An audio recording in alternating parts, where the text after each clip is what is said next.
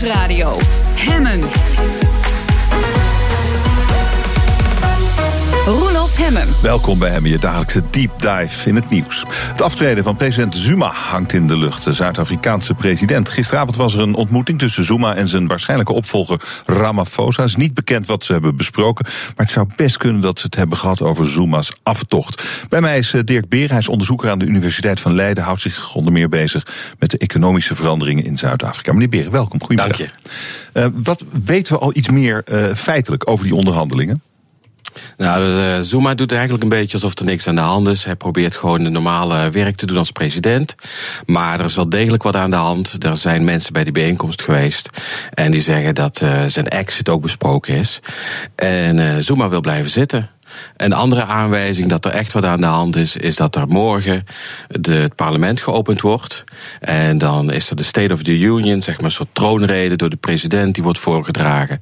En die is door de voorzitter van het parlement afgezegd. Dus er is zeker wel wat aan de hand. Uh, en dat zegt u dat zijn uh, positie hier op het spel staat? Dat het een, een, een kwestie van korte tijd is voordat hij weg is? Ik kan me heel goed voorstellen dat hij het eind van de maand niet redt. Hm. Waar komt dat opeens vandaan? Want uh, we hebben het nu volgens mij een jaar of tien uh, te maken met, uh, met president Zuma in Zuid-Afrika. is een man met ongelooflijk veel corruptieschandalen achter zijn naam, zelfverrijking. Het land is er volgens mij op geen enkele manier beter van geworden dat hij de baas is. Maar toch blijft hij tien jaar zitten. Ja. Waarom moet hij dan nu weg? Nou, er spelen een aantal dingen. Maar een van de dingen is dat hij twee termijnen heeft gehad. En Zuid-Afrika is een democratie. Hij mag gewoon niet voor een derde termijn. En in volgend jaar zijn er verkiezingen. En dan moest een nieuwe voorzitter gekozen worden. Of eigenlijk een nieuwe president van het ANC. En Zuma heeft zijn ex-vrouw naar voren geschoven. En gezegd: dat wordt mijn opvolger. Om zo zijn machtspositie te behouden. Hm. En, uh, maar die heeft het verloren tegen Ramaphosa. En Ramaphosa heeft vlak voor de kerst die strijd gewonnen. En is nu de president van het ANC maar niet de president van het land. Mm. Dat kan pas na de verkiezingen in volgend jaar. Dus nu zit er een tweestrijd die er al heel lang is. Gaat om dat presidentschap van de partij die bij Ramaphosa zit en dat van het land wat bij Zuma zit. Mm -mm. En de ex van Zuma die zou uh, nog steeds wel doen wat Zuma wil. Ja, die heel, hoorde heel duidelijk bij dat uh -huh. kamp, bij die kliek, die uh, bij meer dan 700 aanklachten van corruptie tegen Zuma. Het ene schandaal naar het andere schandaal. En dat is een bijkomend probleem, wat de partij ook schaadt. De populariteit van het ANC is nog steeds groot. Maar elk jaar kalft dat wat af, vooral in de steden. Het zit nu al, de peilingen zeggen, onder de 50 procent. Nou, voor een Nederlandse partij, 50 procent bijna, dat, uh, dat zou heel bijzonder zijn. Mm -hmm. Maar voor het ANC zou dat voor het eerst in de geschiedenis zijn dat ze een coalitie moeten vormen. Dus de druk is ook toegenomen, omdat heel veel mensen in de partij zich zorgen maken dat ze die 50 procent niet halen. Ah, hoe is Zuid-Afrika eraan toe op dit moment? We hebben het de laatste tijd vaak over uh, de op handen zijnde uh, de watertekort. Nou ja, er is geen water meer in Kaapstad uh, op uh, ergens in april. Uh, we zien economische neergang. Hoe is het land eraan toe? Slecht. En uh, Zuma die draagt eraan bij dat het slecht gaat. En dat is ook een van de redenen waarom men hem nu al weg wil hebben. Dat is denk ik ook een van de redenen om die State of the Union, die morgen zou plaatsvinden, mm -hmm. te annuleren.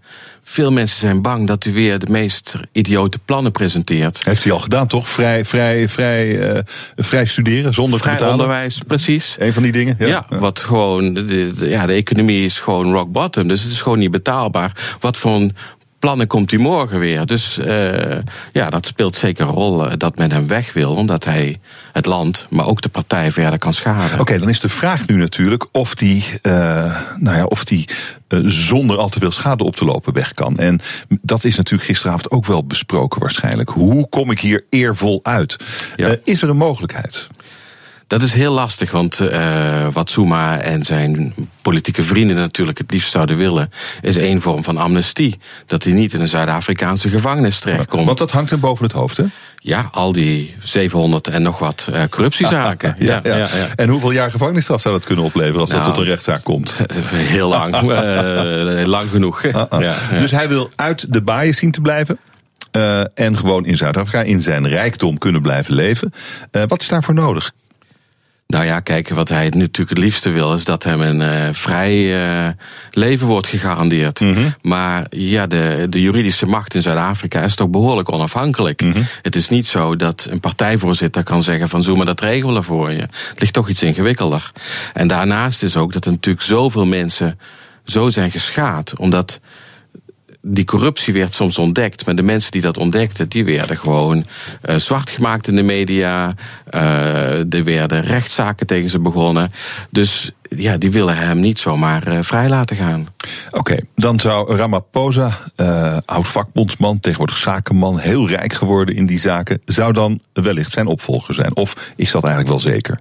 Hij wordt zeker president van Zuid-Afrika. Alleen de vraag is Wordt hij dat morgen? Of over een jaar. Of, ja. ja, ja, ja. Oké. Okay. En uh, is Zuid-Afrika dan beter af? Ja, dat denk ik wel. Uh, kijk, elke politicus, uh, ook in Zuid-Afrika, daar is wel eens wat mee. Maar dat is van een hele andere orde. Uh, hij zal zeker het internationale zakenleven veel meer vertrouwen geven dan Zuma. En ook toen de speculaties er waren dat Zuma nu al weg zou gaan, zie je dat ook in de beurzen terug. Dat het vertrouwen in Zuid-Afrika wat hersteld is. Je ziet ook maatregelen die Zuma aankondigt soms. Dan zie je de dag erop, zie je de beurzen, dat de Zuid-Afrikaanse munt meteen naar beneden gedonderd. Dus hij zal absoluut meer vertrouwen geven in het zakenleven. En ook meer bij de stedelijke zwarte bevolking. Want vooral die groep ziet Zuma absoluut niet zitten. En die kan hij beter terugwinnen. Hij gedraagt zich op een manier, hij komt zelf ook uit de stad, die veel meer aanspreekt bij die kiezers. En hoe was dan uh, de verhouding tussen Zuma en het internationaal bedrijfsleven? Want hij was toch hele goede maatjes met een Indische, Indiase familie in Zuid-Afrika. Ja, de Gupta's. Precies, ze werden wel eens de Zoepta's genoemd, omdat Zuma en Gupta eigenlijk oh ja. een eenheid werden gezien. En dat vormt echt het hart van, uh, van heel veel van die corruptieschandalen.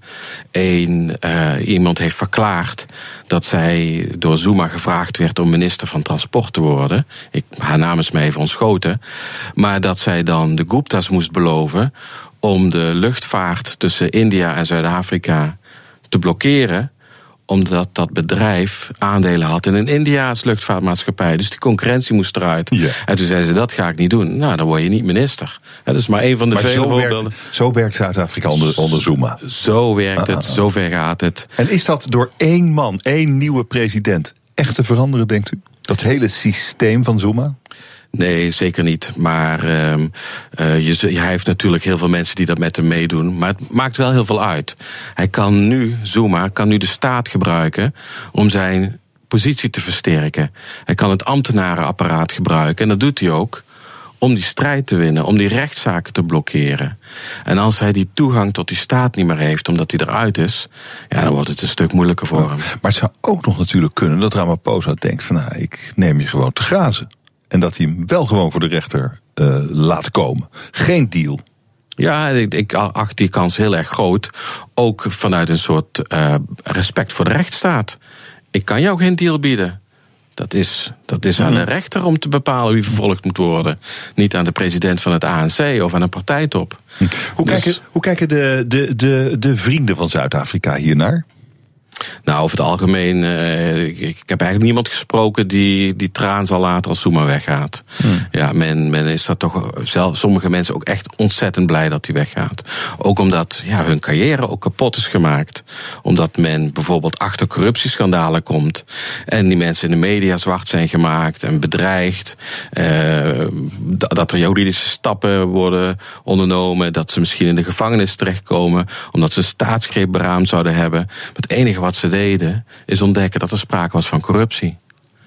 Dan is er ook nog, we hadden het over het water, we hebben het over de corruptie. Er is, er is ook nog dat fenomeen van die plaatsmoorden. De blanke boeren die vermoord worden. Uh, zodat de zwarte bevolking uh, het land en het bedrijf kan overnemen.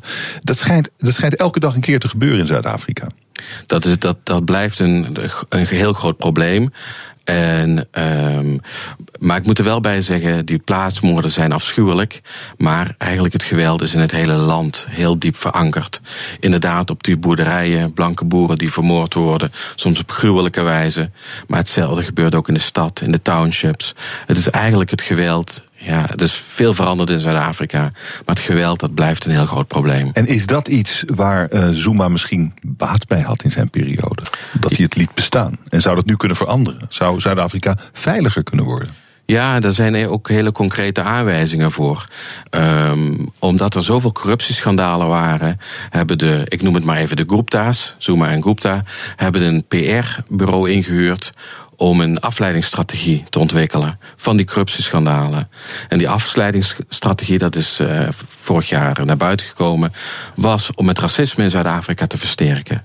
En door steeds maar dat racisme te versterken via sociale media, via kranten, en dat mensen daar natuurlijk dan heel erg boos over worden, als afleidingsmanoeuvre van die corruptie. Ja, het is wel heel cynisch.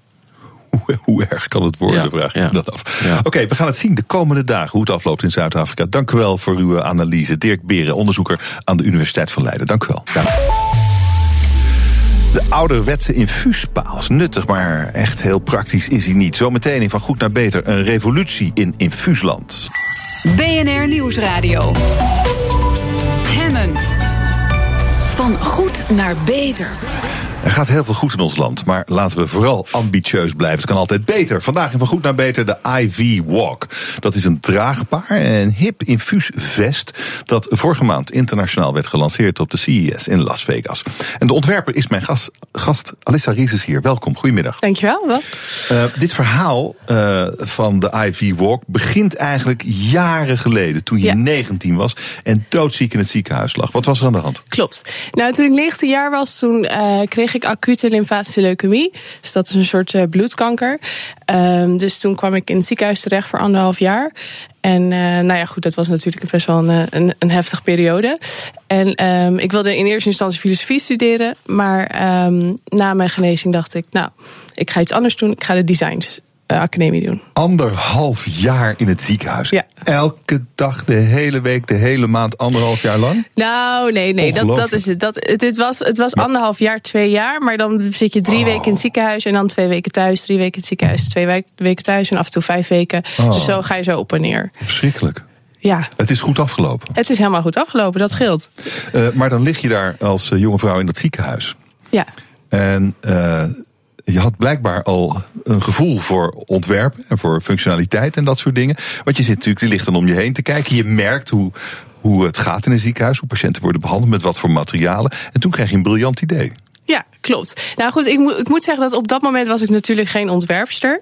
Ik had natuurlijk hartstikke veel tijd om me, om me heen te kijken. Want je hebt natuurlijk niet zoveel te doen in het ziekenhuis. Maar ik heb echt pas bij mijn afstuderen heb ik nagedacht van... oké, wat heb ik allemaal meegemaakt? Dus echt het gecombineerd van ik ben een designer... en ervaring als een ex-leukemie-patiënt. En toen ben ik echt gaan kijken van op welke gebieden wil ik dingen veranderen... en in welke thema's. En toen kwamen er dus twintig uh, concepten om het ziekenhuis te vermenselijken. En één daarvan was de Ivy Walk. En die ligt daar naast ja, die, die, heb ik hier. Um, mag, mag ik hem eens vasthouden? Ja, tuurlijk. Het is een soort. Uh, het is een hesje eigenlijk. Ja. Het is een, ja, een.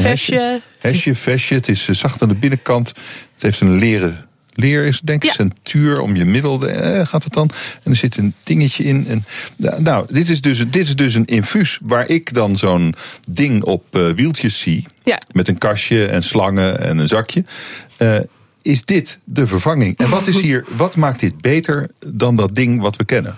Nou goed, ik was dus echt uh, soms uh, drie weken achtereen aangekoppeld aan een uh, infuuspaal. En je moet bedenken, dat is best wel een, een grote paal wat je meesleurt. je hebt drempels en in de lift en naar beneden gaan. Is, het is niet dat het heel erg lastig is, maar het is toch wel een last. Um, en daarnaast uh, ben je echt een patiënt. Dus ik heb het echt gedaan dat je het iets menselijker is. Dat je mobieler bent. Dat je ook naar buiten kan. En met een paal wordt totaal niet gestimuleerd in het ziekenhuis om naar buiten te gaan. Of je hebt meteen een weg of een parkeerplek. Of in de tuin is sowieso lastig met een paal. En het is vrij zwaar. Want je denkt, oké, dus iets op je lichaam dragen is wellicht zwaarder. Maar omdat je die paal over die drempels heen moet of echt meesleuren, is dat zwaarder voor je fysiek. Um, en nou ja, het stukje menselijkheid en een stukje eigenwaarde wat je teruggeeft aan een patiënt vind ik heel erg belangrijk. Dat je gewoon mobiel kan zijn en mensen, nou ja, bezoekers, gewoon op een normale manier kan ontvangen. En uh, nou goed, op die manier heb ik dat dan ontworpen. Ja, en dan zit het pompje, alles zit erin. Pompje zit erin, uh, zakje zit erin. En uh, is dit ook iets waar de Uh, is het ook handig voor verpleegkundigen? Nou goed, dat is dus uh, een goed punt.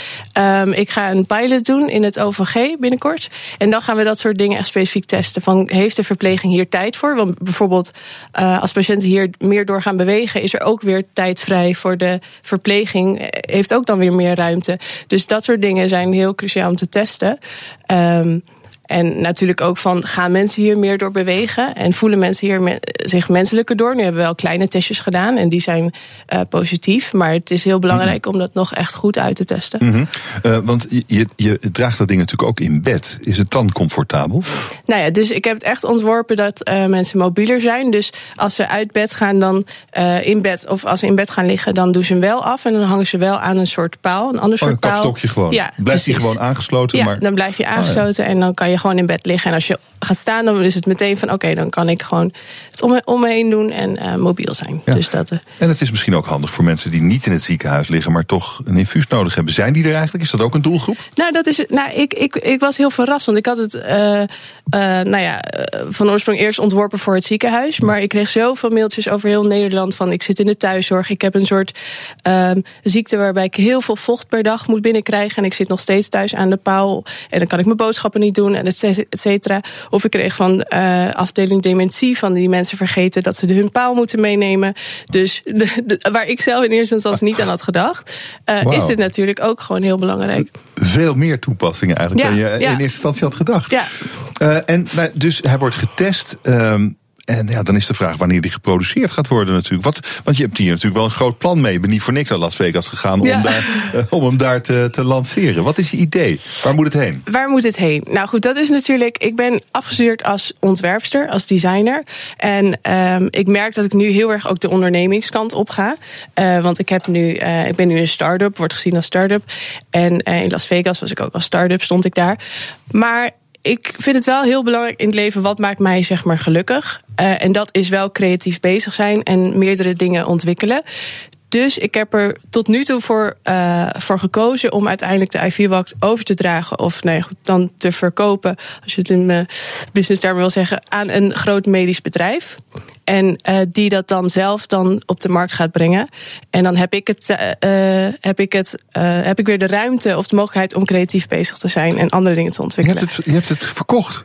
Nee, nog niet. Oh, nog niet, maar dat ga je nee, doen. Nee, nee, nee, ik heb het Nou nog niet verkocht, laat dat duidelijk zijn. Maar dat Ah, is ah. wel mijn plan. En er Ah, zijn ah. ook um, veel bedrijven geïnteresseerd. Dus dat is ook. Um, nou ja, natuurlijk uh, hartstikke fijn. Alleen ik wil een bedrijf dat ik vertrouw en dat ik weet van dit komt op de markt en niet op de boekenkast. Of in de stoffige boekenkast, zeg maar. Um, ja, dus vandaar. Um, en wat, uh, wat, wat je, je zei dat je twintig dingen had bedacht op basis van je, van je tijd in het ziekenhuis. Ja. Uh, dus daar ga je nu mee aan de slag. Nou ja, dat is, kijk, het, het is, het is, het is een een, uh, een iets bredere filosofie. Want ik ben echt bezig met het. Of nou goed, ik, ik wil het ziekenhuis meer vermenselijken. Dus ik heb echt concepten bedacht in thema's van communicatie, mobiliteit, mentale afleiding, uh, balans en um, uh, sfeer. Dus ook dat ik heel erg vind dat sfeer kan bijdragen aan het herstel. En we gaan dat steeds ook wel meer weer inzien. Maar ik denk dat we in het ziekenhuis een heel groot deel hebben overgeslagen. Want we zijn nu met robots aan het opereren. Maar we zitten nog wel aan een paal. Dus er is een soort van gat daartussen. En, da en dat wil ik graag uh, vermenselijken. Kun je een paar voorbeelden geven? Uh, nou, ik heb ook een, een. Dat kan je aan de voorkant zien op mijn boek. Ik kan de, luisteraars helaas niet zien. Maar het is Beschrijf een, wat we zien. Een, een luxe pakketje om um, luxe te dineren. Dus dat is, er zit een kandelaar in, een tafelkleedje en een servet. ja, mooi. Je moet wel lachen.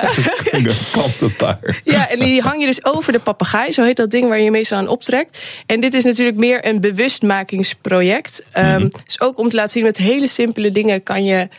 Um, kan je sfeer geven. Dus het, er is niet zoveel voor nodig. En um, nou ja, goed, daar hebben wij mensen gekeken van hoe is dat als je dan daarmee dineert. En dat geeft gewoon een hele fijne sfeer. Want het wordt nu opgediend op een plastic McDonald's blad, zoals ik maar zeg. Met zo'n plastic kapper overheen. En de geur worden al heel veel patiënten misselijk van. De meeste eten niet. Sowieso het voedsel is al ontzettend uh, slecht. Dat hebben ook heel veel mensen getest. Slechter dan gevangenis eten, wat ze zelf zeggen. En terwijl ik denk, wij als lichaam moeten genezen door voornamelijk door goed voedsel, door beweging en door contact met de buitenlucht en de natuur. En alle drie worden niet gestimuleerd in het ziekenhuis. Dus daar heb ik echt voornamelijk op gericht in mijn, uh, in mijn boek. En dat zijn ook de dingen die jou zelf dwars zaten toen je daar lag? Ja, en dat, ja zeker. En ik, die kleine dingen probeerden we dus uh, voornamelijk dan mijn vader heel erg te pushen van wel te bewegen. En dan zat ik op zo'n home trainer met mijn paal ernaast, zeg maar. En dan dacht ik, ja, het, het, voelde heel scheef. Maar goed, zoals ik al zei, op dat moment was ik geen ontwerpster. Dus je neemt dan niet dat volgende stap in het designproces. Maar ik heb daarna wel tijdens afstuderen echt gekeken van wel, hoe heb ik dat nou zelf ervaren. En ik denk dat heel veel mensen ook het ziekenhuis Um, omdat je er maar tijdelijk zit, dat dan weer achter je laat. Dus dat niet meer mee bezig bent natuurlijk. Ja, maar anderhalf jaar. Oh. Uh, maar dit is eigenlijk jouw wraak op de gezondheidszorg. Ja, nou, als wraak wil ik niet zeggen. Want uh, gek genoeg heb ik ook gewoon een hele fijne tijd gehad. Want als ik... Uh, ik wil helemaal niet uh, reclame maken of zo. Maar als ik naar mijn uh, oudere ziekenhuis waar ik heb gelegen uh, terugkom, heb ik heel, helemaal geen naar gevoel van binnen. Dus dat is het niet. Terwijl um, ik wel weet dat ik veel meer aan had gehad als, als ik dus een draagbaar infuus had gehad of naar buiten had gekund. En wellicht wel sneller hersteld. Ja, want dat was mijn vraag. Zou je er sneller beter van worden? Van zo'n vestje, van, van dat het leuker ja. is en menselijker is in het ziekenhuis? Zou dat je herstel bespoedigen? Ja, nou, ik denk van wel. Um, kijk, er zijn natuurlijk heel veel wetenschappelijke onderzoeken die wel aantonen, bijvoorbeeld contact met aarde, dat je daar sneller van herstelt. Uitzicht al bomen door een raam als je ziek bent. Um, het feit dat je meer beweegt, natuurlijk, dan herstel je sneller. Dat is een feit. Maar nu moet ik kijken van of mijn oplossingen dus dan ook daartoe leiden. Dus dat is de vraag. Maar voor de rest ben ik er wel van overtuigd dat het dus je sneller herstelt. En dat we daar op zich wel moeite in kunnen steken. En geld. Dankjewel voor dit gesprek en veel succes. Alissa Dees, dankjewel. BNR Nieuwsradio. Hemmen. Hemmen. Je luistert naar Hemmen, je dagelijkse deep dive in het nieuws. Er wordt steeds meer geëxperimenteerd met autonoom varen. Een schip op zee met de bemanning aan de wal.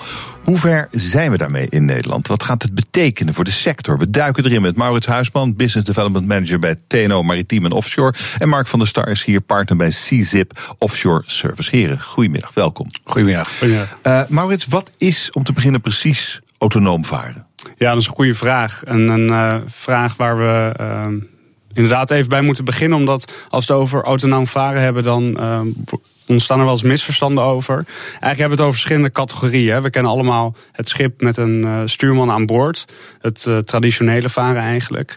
Een stap die um, ja, meer automatisering in zich heeft... is het op afstand besturen van een schip. Dat, dat zou ik zeggen is een autonoom, autonoom varend schip? is een vorm van okay. autonoom varen. Um, dat is een schip waar je eigenlijk alle sensoren gebruikt... die aan boord van het schip zijn. Maar de man die de beslissingen neemt zit aan de wal. Dus eigenlijk heb je een afstand bestuurbaar uh, systeem. Oh ja. Um, dan een volgende stap is dat hij uh, uh, ook automatisch uh, de route gaat bepalen. Ah, automatisch. Dat is autonoom. Nou, ah, zijn we nee, nog niet oh, helemaal. Nee. Ja. Automatisch varen is dat eigenlijk. En de laatste stap, als je het hebt over die autonomie levels, is volledig autonoom. Er komt geen mens meer aan te passen. En het verschil tussen die laatste twee vormen is -oh. eigenlijk op het moment dat er een probleem ontstaat, wordt die mens nog ingeschakeld? Ja of nee? Zo nee, dan hebben we het eigenlijk over kunstmatige intelligentie. En dat is hmm. de laatste uh, stap of het laatste level van autonomie, zoals we dat noemen. Oké, okay. en uh, waar in al die fases staan we nu? Uh, nou ja, we zijn uh, eigenlijk een schip is een collectie van systemen. En de verschillende systemen zijn uh, soms in verschillende volwassenheidsniveaus. En um, ja, het is denk ik goed dat Mark hierbij is, die echt die veldervaring heeft. En die daar uitgebreid over kan vertellen waar we ook heen willen. Oh, Mark, hebben jullie al een, bij CZIP Offshore Services een zelfvarend schip? Nee, nee, dat hebben we nog niet. Uh, daarom zijn we ook onderdeel van het JIP Autonoom Varen, Joint Industry Project. Uh, we kwamen een paar jaar geleden bij het uh, kapiteinskamer in Amsterdam kwamen op dit onderwerp. En er werd er gesproken over autonoom varen. En ik dacht meteen van ja, dat, dat moeten wij gaan volgen. Want dit wordt belangrijk voor ons. Hè. Een heel aantal factoren zijn daarmee belangrijk. Kunnen we zo waarschijnlijk wel even verder op komen. Maar we moeten onderdeel zijn van die, van die ontwikkeling. En zo kwamen we bij die bij TNO terecht, bij Maurits. Maar waar staan we? Is er al een zelfsturend, zelfvarend autonoom schip? Nee, we zijn nu oh. in de desktop-studie en ook zeg maar de eerste schepen alvast uit te voeren met autonome systemen. En we willen einde van, de, van dit seizoen, hè, dus ergens augustus, september, willen wij de eerste boot met deelsystemen autonoom laten varen. Dat Hoe ziet die eerste boot eruit dan? Dat is een, een van onze schepen. Wij hebben catamarans, die varen in de offshore windindustrie, varen zij personeel naar de offshore windplatformen. Uh, dat is een schip wat relatief jong is, hè, nog geen vijf jaar oud. De nieuwe systemen zitten erin, de nieuwste VSAT-satellietverbindingen zitten erin. Daardoor is het schip ook heel geschikt om het autonoom, deels autonoom te maken. Dus wij gaan dit schip al bij Damen Shipyards in Gorkum gaan wij deels autonoom maken, een zusterschip. Dan gaan we ons schip, gaan we einde van het seizoen, gaan wij ook inderdaad echt op zee laten varen. Met deels autonome systemen. Ja, wat, wat is dan deels autonoom? Uh, dat bijvoorbeeld de motor, als die uitvalt, dat die automatisch zelfstandig gaat uh, schakelen. Dat die een ander systeem inzet waardoor die motor kan blijven draaien. Oh, maar zitten er nog wel mensen aan boord? Ja, zullen dan ongetwijfeld mensen aan boord blijven, ja. Om even Voor de monitoring op- op te letten. op te pakken. En het idee is binnen deze JIP om over twee jaar het schip autonoom te laten varen. Oké, dus dan heb je, eh, als ik het on- oneerbiedig zeg, een soort watertaxi eh, zonder chauffeur. Ja. Die eh, gewoon personeel van en naar eh, offshore windenergieparken. Dat is inderdaad heel oneerbiedig. hè. Nou, dat, is- maar dat is het, dat is het wel ongeveer. Ja, sorry. Ik zie, Nee, nee, geen ik zie dat ik hier Geen een eh, probleem. gevoelige snaar raak. Nou, Eh, eigenlijk wat we eigenlijk doen is het verlichten van, van de druk hè, van die mensen aan boord. Die technici en die, die mensen aan boord die, die helpen met die systemen. Eh, en dat is een stap naar die volledige automatisering. Maar autonoom is niet dus per se onbemand. Dat is wel even Oh. goed om te vermelden. ja. Eh, want, maar het is wel een drastische reductie van bemanningen natuurlijk.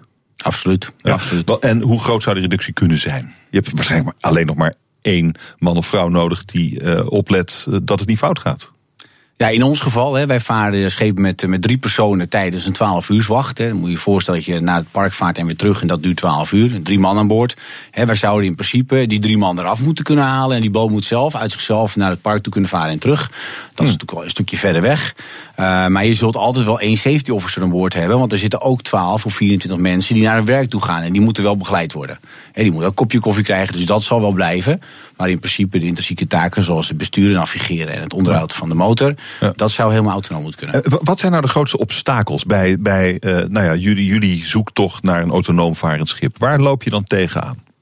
Uh, nou, op zich, de technologie is al best wel heel ver. Hè. We zijn bij TNO heel ver op het gebied van autonoom rijden. Uh, truckplatooning, trucks in, in Ja. treins achter elkaar laten rijden zonder dat daar uh, een chauffeur in, in zit. Um, dus met die technologie kunnen we veel. Ook in de scheepvaart hebben we radarsystemen die in principe dezelfde waarnemingen kunnen doen om aanvaringen te voorkomen als dat de mensen dat kunnen. Um, dus het, het zit hem aan de ene kant wel in een stuk technologieontwikkeling waar we ja, in een project nu, wat, wat Marco even noemde, het Joint Industry Project, mee, Maar wat mee aan de slag gaan. Waar, waar loop je tegenaan? Wat zijn de obstakels? Ik kan me voorstellen, als het op de weg kan, dan is het op zee een eitje. Want het, is minder, het gaat minder snel op zee en het is toch iets minder druk dan op de weg.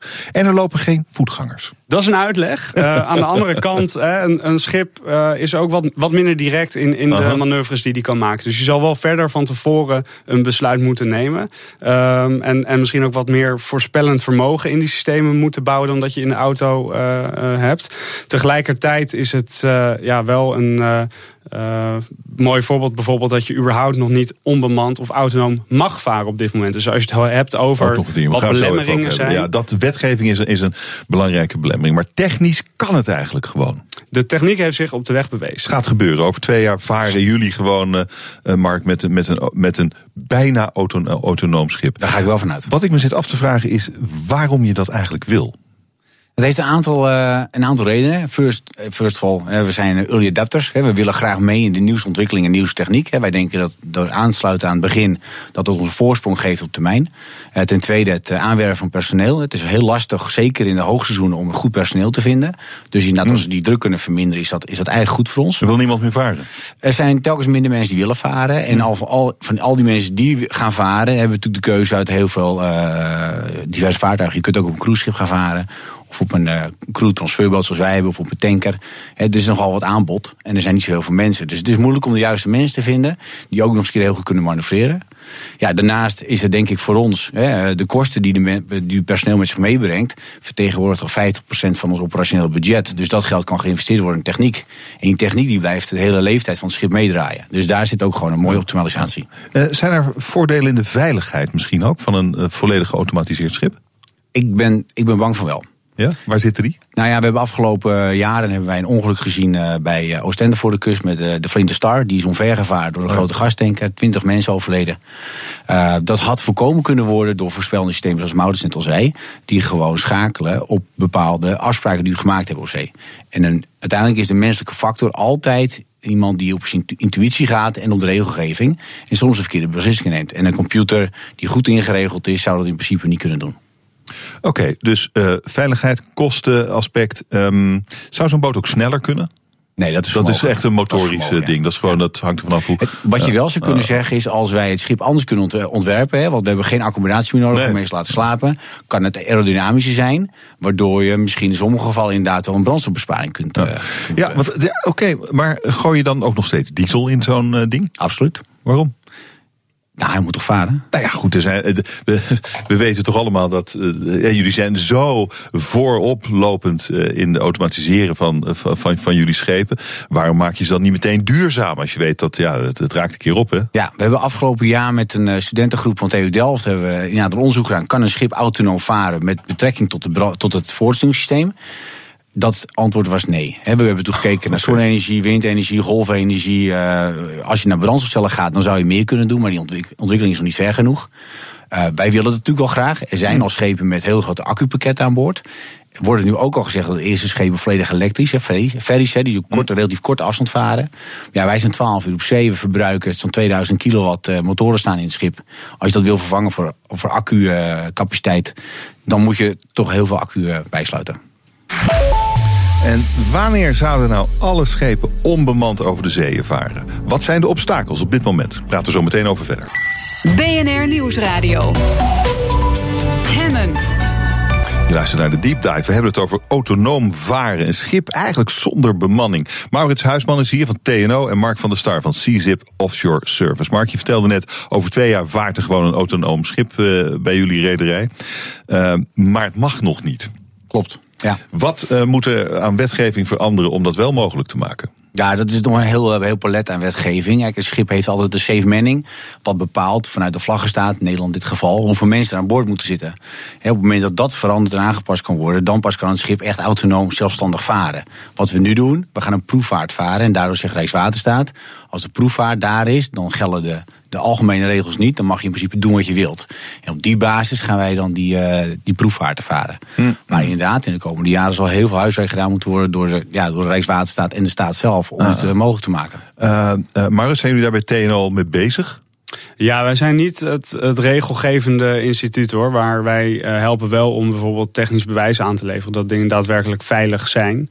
Uh, en dat zullen we ook hierin uh, in gaan meenemen. De focus is nu wel echt op die demonstratie van die technologie. En om eens goed in kaart te brengen wat we ook nog niet kunnen. Uh, wat wij belangrijk vinden is dat we die 275.000 banen bijna in de maritieme sector. Dat we die ook in Nederland kunnen houden. En wij geloven erin dat dat kan door technologie hier te ontwikkelen. En ervoor te zorgen dat we als Nederland een leidende positie nemen in dat autonoom varen. En als we dat kunnen, um, dan weet ik zeker dat we daar ook voldoende support van, uh, van overige stakeholders kunnen vinden om. Uh, ja, om uiteindelijk die regelgeving ook uh, ja, ja. aan te passen. Technologieontwikkeling loopt uh, meestal wel vooruit op regelgeving. Dus het is dat kan ook niet anders natuurlijk. Maar je zou je kunnen voorstellen dat uh, iemand moet eigenlijk volgens de regels nu de controle over het schip hebben. Klopt. Ja. moet hij ook op het schip zijn? Op dit moment wel, ja. Ja, ja. Oh, dat is echt, staat ja. expliciet in de wet. Je, moet, je kunt niet vanaf de wal met een joystick varen. Nee. Uh, Oké, okay, dus dat moet er echt even uit.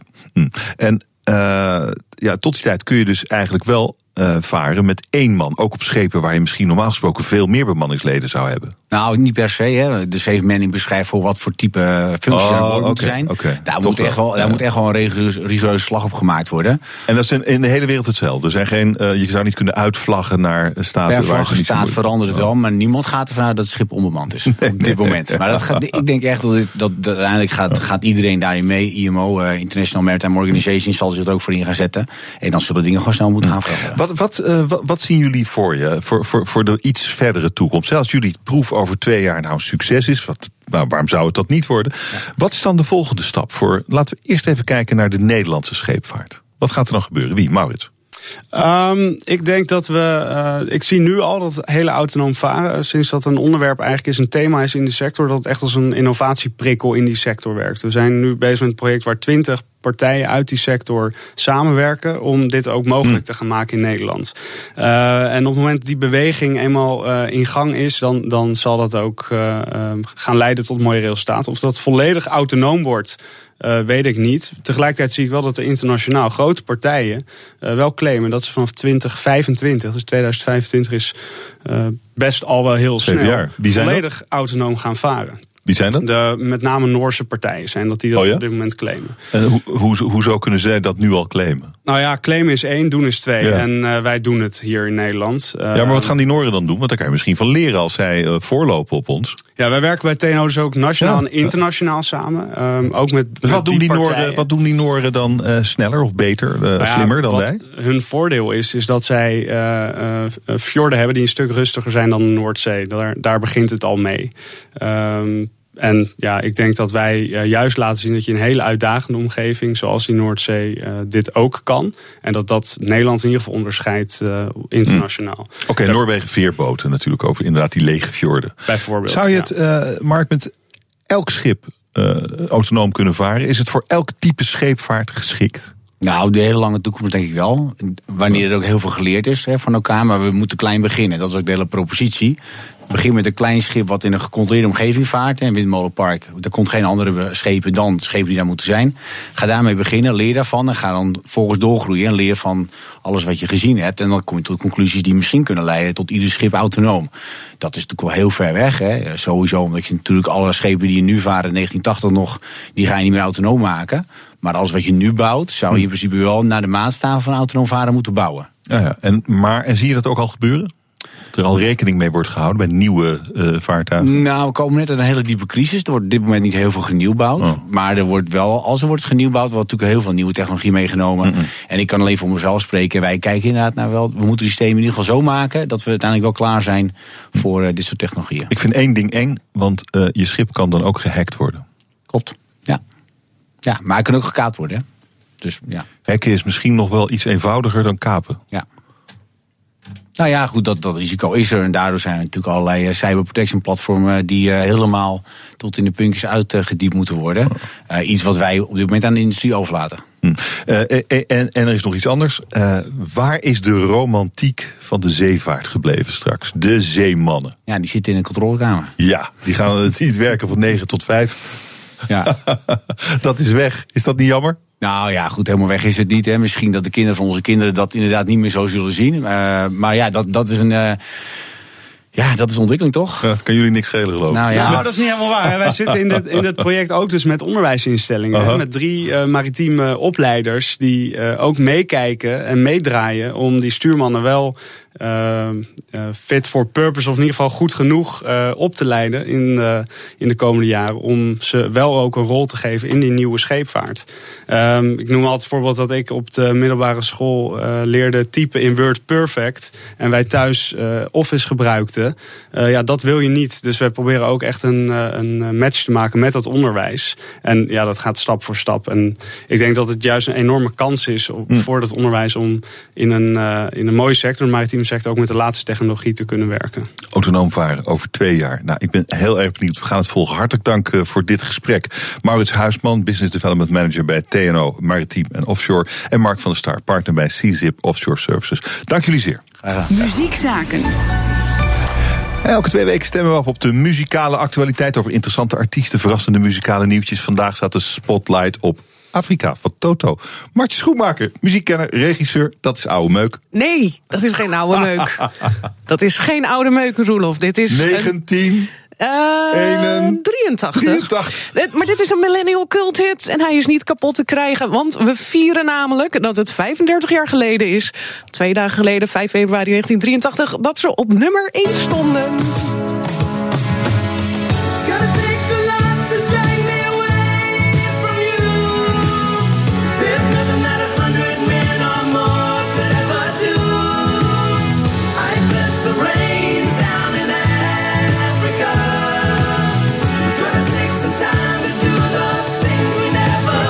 Eigenlijk best lekkere oude meuk. Ja, als je het weer zo Als je het weer zo hoort. Wat, is het, wat is het verhaal? Uh, het, is een, het is een goed verhaal. Het is gewoon een heel goed verhaal. De, de reis van Toto door hun Africa. Het begon in 1981. Niet de band Toto, want die bestond wel al. En het zijn eigenlijk sessiemuzikanten. Mm. Wel de beste van de beste. Zij hebben bijvoorbeeld heel Thriller van Michael Jackson uh, ingespeeld. Maar ze waren dus ook zelf een band. En hun platenlabel die zei in 81 tegen ze... luister jongens, hartstikke leuk wat jullie doen... maar als jullie nu niet een hitalbum maken, dan laten we jullie gaan. En toen hadden de heren zoiets van... oeh, dat is misschien, misschien toch niet helemaal de bedoeling. Dus ze hebben hun beste muzikale beentje voorgezet... en al hun kennis en kunde tentoongesteld en Toto voorgemaakt. Dat was helemaal af. Ze waren helemaal tevreden. En toen hadden ze nog één liedje nodig om het album mee af te maken. En daar begonnen ja, toch een soort van uh, problemen. Want niemand wist precies wat ze moesten doen, wat ze wilden doen. Totdat dus de drummer, Jeff Porcaro, die hier hoort, helaas wel overleden, dit drumding inzette. Toen hadden ze een Africa beat. Ah, ja. Toen gooiden ze er een synthesizer bij. Hebben ze een 24-track tape helemaal met deze lijn volgegooid. En de basis voor Africa, die was geboren. En hadden ze enig idee wat ze aan het maken waren toen ze dat allemaal aan het doen waren? Uh, ja en nee. Ze vinden het zelf geen typisch Tozo-liedje, want hun signature song van dat album is Rosanna. Want dat heeft de groove, de solo's, de meerdere oh vocalen. En dat je je afvraagt: is het nou rock, is het funk, is het pop? Dat is Toto. Dat vinden zij zelf ook. En Dave, de zanger, die was de enige die echt wat hierin zag. En die heeft ook bijna deze onnavolgbare tekst geschreven. I know that I must do what's right. Sure as Kilimanjaro rises like Olympus above the Serengeti. Ja, inderdaad, ja. I need a word here. I need a word nou? en echt iedereen, de hele band vond het eigenlijk belachelijk, de tekst dan, hè? Want ze komen uit Hollywood. Ze zijn nog nooit in Afrika geweest. Ze noemen het zelf cringe-worthy. Maar Dave vertelt dat hij altijd gefascineerd is geweest door het continent. En de, dan zit er dus nog zo'n zin in. Er zit er meer in. Maar deze epische klassieke zin, waar het liedje toch wel ook mede zo bekend mee is geworden. En waar vele internetmemes om draaien. Bless the rains oh, down in Africa. Komt door zijn katholieke scholing. Want iedereen werd daar altijd geblest door de missionarissen. Oké, nou, dus een tamelijk onzinnige tekst. Eh, maar toch werd het een enorme hit. Het werd dat een hele enorme hit. Uh, in 82 was het album af. De eerste single was dus Rosanna. Dat werd een grote hit. Uh, het album ook. Uh, Rosanna haalde de tweede plek. En daarmee maakten ze wel natuurlijk een beetje de weg vrij voor Africa. Maar het was vooral het label wat vond dat Africa zo goed was en dat het een hit ging worden. En het sloeg inderdaad in als een muzikale bom, want niemand die kon eromheen. Het liedje wat dus bijna van de plaat gehaald werd, de plaat niet gehaald heeft, werd hun grootste hit tot vandaag, want ze hebben daarna nooit meer een nummer 1 hit gehad. Nee, waarom niet? Ze konden wel iets. ze, ze, kunnen zeker iets. Ze hebben, ze hebben net weer een nieuw album uit. Um, maar er zijn verschillende verklaringen voor. Het, het, het is namelijk een heel eclectisch eclectisch liedje. Er zit van alles in. Uh, maar muzikaal gezien zit het dus ook briljant in elkaar. Want als je als luisteraar door verschillende muzikale emoties meegenomen wordt, blijft dat heel erg hangen. Dan heb je daar een hele sterke reactie op. Het refrein bijvoorbeeld, daar zet de zanger hoog in. Die blijft op die ene noot zitten. En de band die speelt dan de rest in, waardoor het lijkt alsof het een meerstemmig arrangement is. Hmm. Dus hmm. als jij dronken Afrika wil zingen, stel, hè, je weet het niet, uh, dan kun je dus kiezen waar je gaat zitten met je stem, omdat het, het oh aanvoelt alsof het meer stemmig is. Ah. Het is dus multiharmonieus, maar het heeft ook die pophoek. En een ander belangrijk punt is dat ze in drie verschillende keys het liedje hebben opgebouwd. Uh, C-sharp minor voor het intro en de bridge. En dan hebben we de B major voor de coupletten. I seek to cure what's deep inside. Frightened of this thing that I've become. Wat doorgaat naar de E major. Van het refrein. Ja, mooi ontrafeld. Leuk hè? ja. Dit is dus wetenschappelijk bewezen. I kid you not. De combinatie van deze keys, dus de minor voor set en de major voor happy, de groove. En dus dat is dat je met je voetje meetikt. En dat je dus een grijns krijgt van die wisselingen. Dat is gewoon wetenschappelijk bewezen. Dat dit dus eigenlijk gewoon het beste liedje is wat er ooit gemaakt is. Ja, en nog steeds actueel. Nog steeds misschien ook wel een hit. Een hele grote. Ze zijn zelf echt flabbergasted door wat het nummer teweeg brengt. We noemen het de Toto Wave. Er is een beetje discussie over of die in 2007 weer ontstaan is. Maar het zijn vooral inderdaad de millennials of de hipsters die hier helemaal mee weglopen en het op vinyl hebben en het overal spelen. Het is ook meer dan 270 miljoen keer gestreamd op Spotify. Dat is meer dan welk liedje van de Beatles of U2. TV-series die rennen ermee weg. Het zit zelfs nog in Stranger Things. Uh, dronken karaoke zingen vindt iedereen leuk. De internetmemes die zijn ontelbaar. Er is een Toto Lyrics Twitter-bot. Daar kan ik ook heel gelukkig van worden. Die post gewoon één zinnetje uit het liedje. en het is tijdloos en het is cool. En als dan alle cool overboord gegooid wordt, dan kunnen we helemaal gaan. Hurry boy, it's waiting there for you.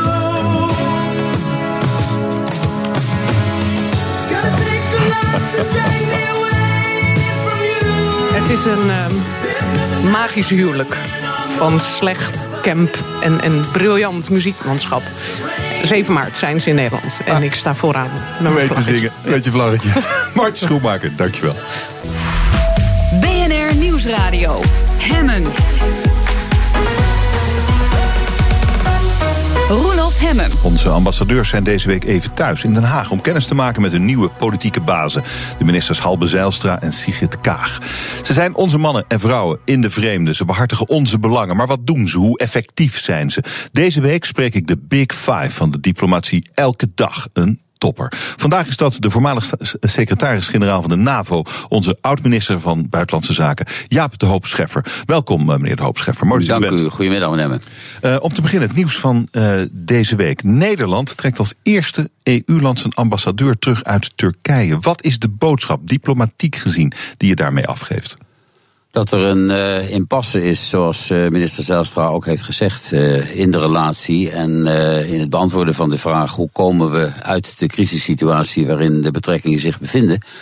En dan kun je soms beter even achteroverleunen en wat ademen en later zonder enige twijfel proberen de gesprekken weer te hervatten. Dus ik zie het eerder als een pauze dan als een definitieve breuk. Maar ik begrijp dat minister Zijlstra heeft gezegd uh, wat hij heeft gezegd. Uh, zo kan het even niet verder. Hmm. Maar het wordt toch wel in de diplomatie gezien als een extreem zwaar middel om je ongenoegen te laten blijken. Is, is het, is het, eh, is, was nu het slimste moment om dit middel in te zetten?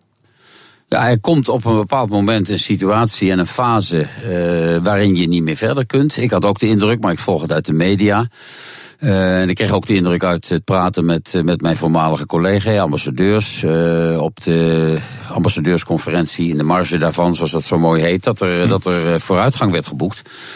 Maar kennelijk is dat uiteindelijk toch niet gelukt. En dan moet je als minister, in het geval van Halbe Zijlstra, zeggen: ja, nu even niet. Het is een zwaar middel, dat ben ik met u eens. Maar op een gegeven moment zijn er ook geen andere uitwegen.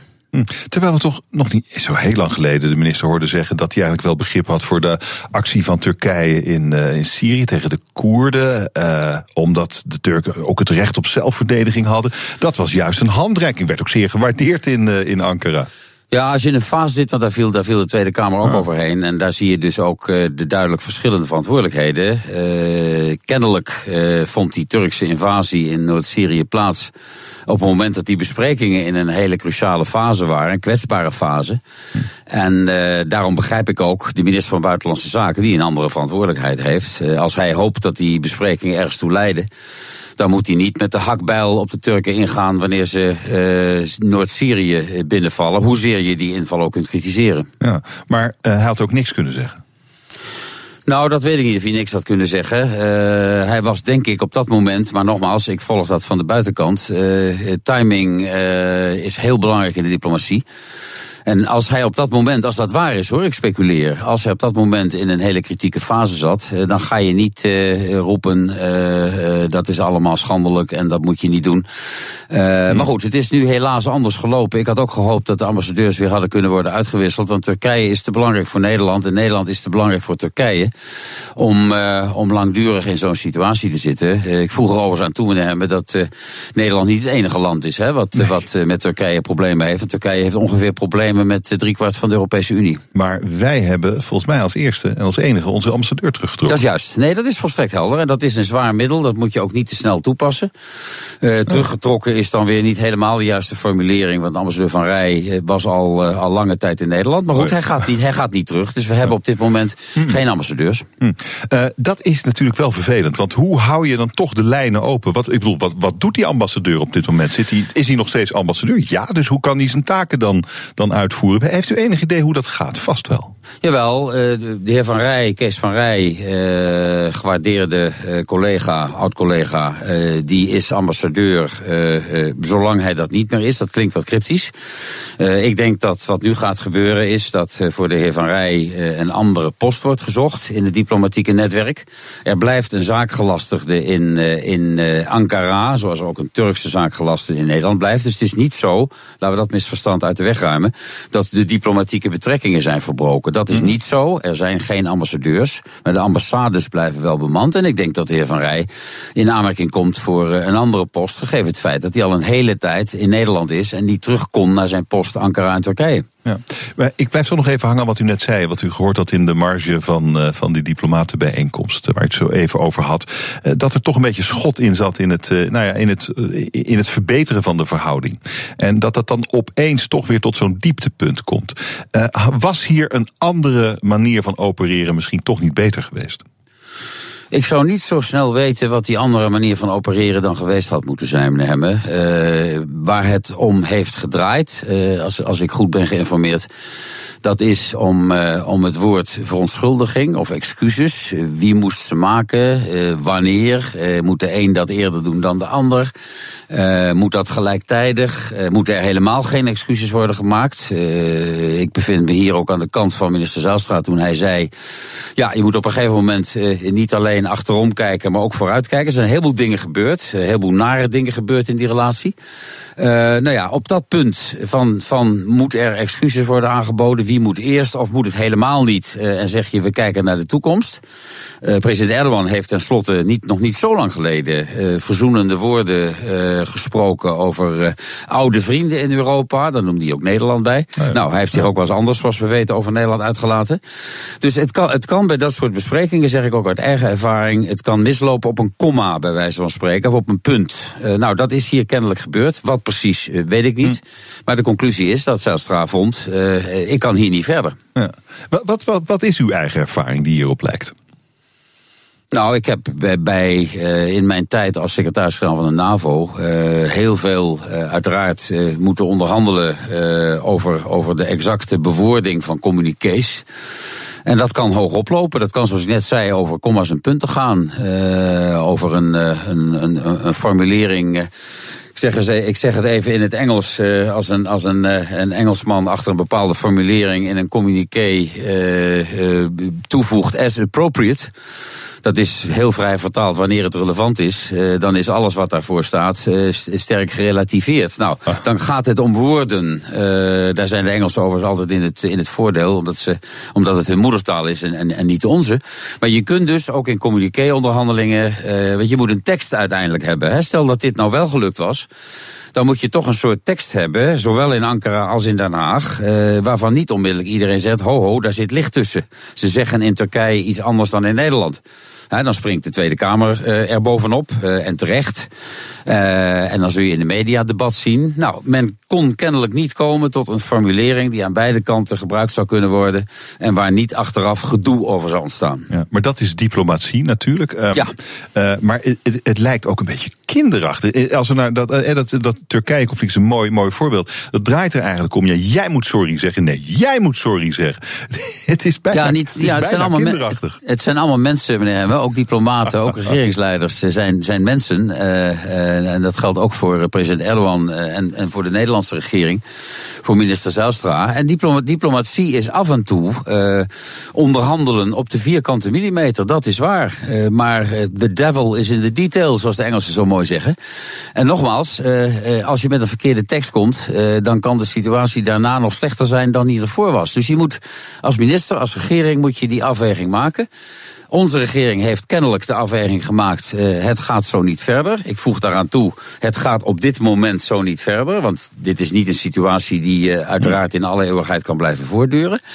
En, uh, en daar hebben wij nu mee te leven. Zaakgelasterd in Ankara, zaakgelasterd hier. Geen volwaardige diplomatieke betrekkingen met uitwisseling van ambassadeurs. Hm. Ehm, u, u, kunt natuurlijk relatief vrij, vrij praten, vrijer dan vroeger. Maar wat is hier nou de oplossing? Heeft u, als u het nou voor het zeggen zou hebben. Hoe zou u dan opereren in deze situatie met die Turken? Nou, ik zou niet veel alternatieven hebben, denk ik. En zo zou ik ook opereren. Dat ik, uh, dat ik de tijd uh, zijn werk zou laten doen. Ja, ja. Dat, ik, dat ik zou proberen om, uh, zoals dat weer zo mooi heet, in de marge van vergaderingen waar Turkije en Nederland beide aanwezig zijn, op mijn Turkse collega af te lopen desnoods een kopje koffie of thee met hem te drinken. Informele gesprekken in de befaamde wandelgangen. Uh, binnen uh, de NAVO, uh, in ander verband waar je elkaar tegenkomt. NAVO is op dit moment nou niet het beste forum, omdat daar natuurlijk ook, laten we zeggen, lastige discussies worden gevoerd over de Turkse, het Turkse hmm. binnentrekken, de invasie in, in, in Noord-Syrië. Maar proberen in informele kanalen, soms misschien ook via derden, dat is ook nog een mogelijkheid, dat je een derde partij inschakelt om te zeggen, praat eens met de ene, praat eens met de ander. Dat is ook wel gebeurd en gebeurt ook wel in de diplomatie. Uh, de tijd moet hier zijn werk doen. En ik hmm. ben ervan overtuigd uh, dat uiteindelijk aan beide zijden het besef door zal breken. Turkije is een heel belangrijk land. Turkije ligt waar het ligt. Ik zeg altijd tegen mijn studenten op de universiteit: uh, geografie doet ertoe in de internationale betrekkingen. Uh, en wij kunnen het ons niet permitteren, en nou zeg ik wij even in de zin van wij Europeanen, uh, om Turkije te laten afdrijven in de verkeerde richting. Turkije is toch al bezig met, met, met uh, wat vreemde bedgenoten in, in diplomatieke zin, uh, zoals de Russen en de, en de Iraniërs. Uh, met andere woorden, het is van groot belang om Turkije, waar wij dat kunnen bevorderen, aan onze kant te houden. Nou, daarom moet ook dit conflict tussen Nederland en Turkije worden opgelost. Want daar is gewoon Turkije te belangrijk voor. Ik kijk ook hm. even naar het bedrijfsleven, meneer Hemme. En constateer dat er hele intensieve banden zijn, economische zin, tussen uh, Turkije en Nederland. Uh, dus het bedrijfsleven heeft er ook alleen maar baat bij wanneer deze situatie op een bepaald moment weer wordt genormaliseerd. Mijn gast is Jaap Toopscheffer, de voormalige chef van de NAVO en onze voormalige minister van Buitenlandse Zaken. We spreken zo over de groeiende nucleaire dreiging in de wereld. BNR Nieuwsradio. Mijn gast is voormalig secretaris-generaal van de NAVO en oud-minister van Buitenlandse Zaken Jaap de Hoop Scheffer. Uh, wij spreken over de diplomatie en wat de diplomatie kan en wat de diplomatie misschien niet kan in de grote vragen van dit moment. Bijvoorbeeld uh, twee kernmachten, Amerika en Noord-Korea, meneer de Hoop Scheffer, die ruzie over wie de grootste heeft. Uh, ziet u nu een grotere kans op een nucleair conflict in de wereld? Ja, uh, ik, moet, ik moet de eerlijkheid zeggen, eerlijkheidshalve zeggen, dat dat is niet helemaal uitgesloten. Uh, omdat uh, ook bepaalde politieke leiders, inclusief de Amerikaanse president, veel te makkelijk praat over het gebruik van kernwapens. dat geldt overigens ook voor de politiek van Poetin in, in Rusland. Dus het nucleaire debat, het debat over kernwapens, wat een tijd lang, en daar moet je denk ik alleen maar blij om zijn, heeft stilgelegen, hm. is weer in volle hevigheid terug. Door uiteraard ook meneer Kim Jong-un in, in Pyongyang, in, in Noord-Korea. die ook op een, op een roekeloze manier opereert. maar daar moet niet te veel andere roekeloosheid tegenover staan. Want ik ben, als u mij vraagt, ben je bang voor een oorlog? Dan, dan zeg ik nou, ik ben niet zozeer bevreesd voor een, voor een geplande oorlog. Ik ben bang voor misverstanden, voor miscalculaties. Uh, er zijn in de geschiedenis meer conflicten ontstaan doordat de ene partij de andere niet begreep of verkeerd, verkeerd interpreteerde dan, dan met de intentie om een conflict te beginnen. Het mooie boek De slaapwandelaars op weg naar de Eerste Wereldoorlog, om maar een voorbeeld te noemen. Nou, ik vrees dat, dat en daarom ben ik bezorgd in mijn antwoord op uw vraag. Ik, ik, ik vrees dat het taalgebruik van de Amerikaanse president, uh, taalgebruik van meneer Kim Jong-un, uh, onder andere over het gebruik van kernwapens, de Far and Fury discussie, we herinneren ons dat, op een bepaald moment zou kunnen leiden. Woorden doen ertoe in de diplomatie en in de internationale politiek. Tot de ene partij die de andere niet begrijpt. Ik hoor ook in Amerika speculeren over, over het bloedneusscenario. Nou, wat is dat? Dat er een, dat er een beperkte uh, aanval zou zijn van de Verenigde Staten uh, op Noord-Korea om zijn lesje te leren. Dat, dat, zijn, dat is allemaal wat mij betreft uitzonderlijk riskante praat. Uh, omdat je inderdaad praat over, uh, zoals u in uw vraag terecht aan de orde stelde, over kernmachten. Want dat is Noord-Korea ook. Hoe kun je daar als diplomaat een rol in spelen? Als de grote bazen zo met elkaar praten, wat doet de diplomaat dan?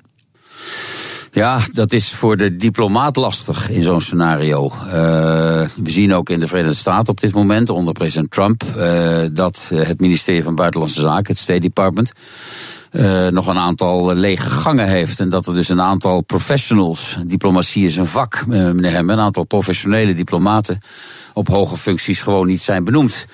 Uh, de Secretary of State, de minister van Buitenlandse Zaken, Tillerson, uh, doet zijn best, maar is ook al een paar keer hoe zal ik het zeggen, vernederd door zijn, door zijn president. Je zult zo'n conflict moeten oplossen door praten. Iedereen die zegt dat er een militaire oplossing bestaat voor Noord-Korea, die moet echt naar de dokter. Die moet zich laten nakijken. en, en bloedneusscenario's, denkt u even aan de miljoenenstad Seoul. denkt u ook even onder andere aan de, ik geloof rond 30.000 Amerikanen die, daar, die daar zijn. dat, dat is gevaarlijke praat en met name gevaarlijke praat uh, op een moment dat dat gevaarlijke gepraat wordt misverstaan aan de andere kant. Mm. Uh, en dat vind, dat vind ik het risico. En meer in het algemeen gezegd.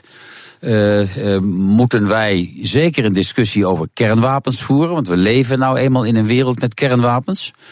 Ook in Nederland uh, moet dat gebeuren. De adviesraad internationale vraagstukken die ik mag voorzitten, uh, zal ook uh, later dit jaar met een advies komen over de toekomstige rol van kernwapens. Je kunt niet de struisvogel spelen, je kop in stand steken en zeggen: ach, daar hoeven wij niks van te vinden. maar maar op, een, op, een, op een manier over kernwapens praten alsof je ze morgen zou kunnen inzetten, vind ik buitengewoon zorgwekkend. Wat, wat, wat, ja, ik wou u vragen: wat is dat advies waar u straks mee komt? Maar ik vraag u, waar staat u zelf als het gaat over kernwapens? Zou, zou, ja, het idee is natuurlijk altijd geweest, kernwapens de wereld uit. Ja, maar ze zijn er. Ja. Ze kunnen niet onuitgevonden worden. Uh, ze zijn er. Uh, en als je die constatering doet, ik ben, ik ben realist in dat opzicht. Uh, alle kernwapens de wereld uit, het is prachtig, maar het is, het is niet te realiseren. Nee. Sterker nog, we moeten nu een trend keren die de andere kant uitgaat. Het gebruik van kernwapens.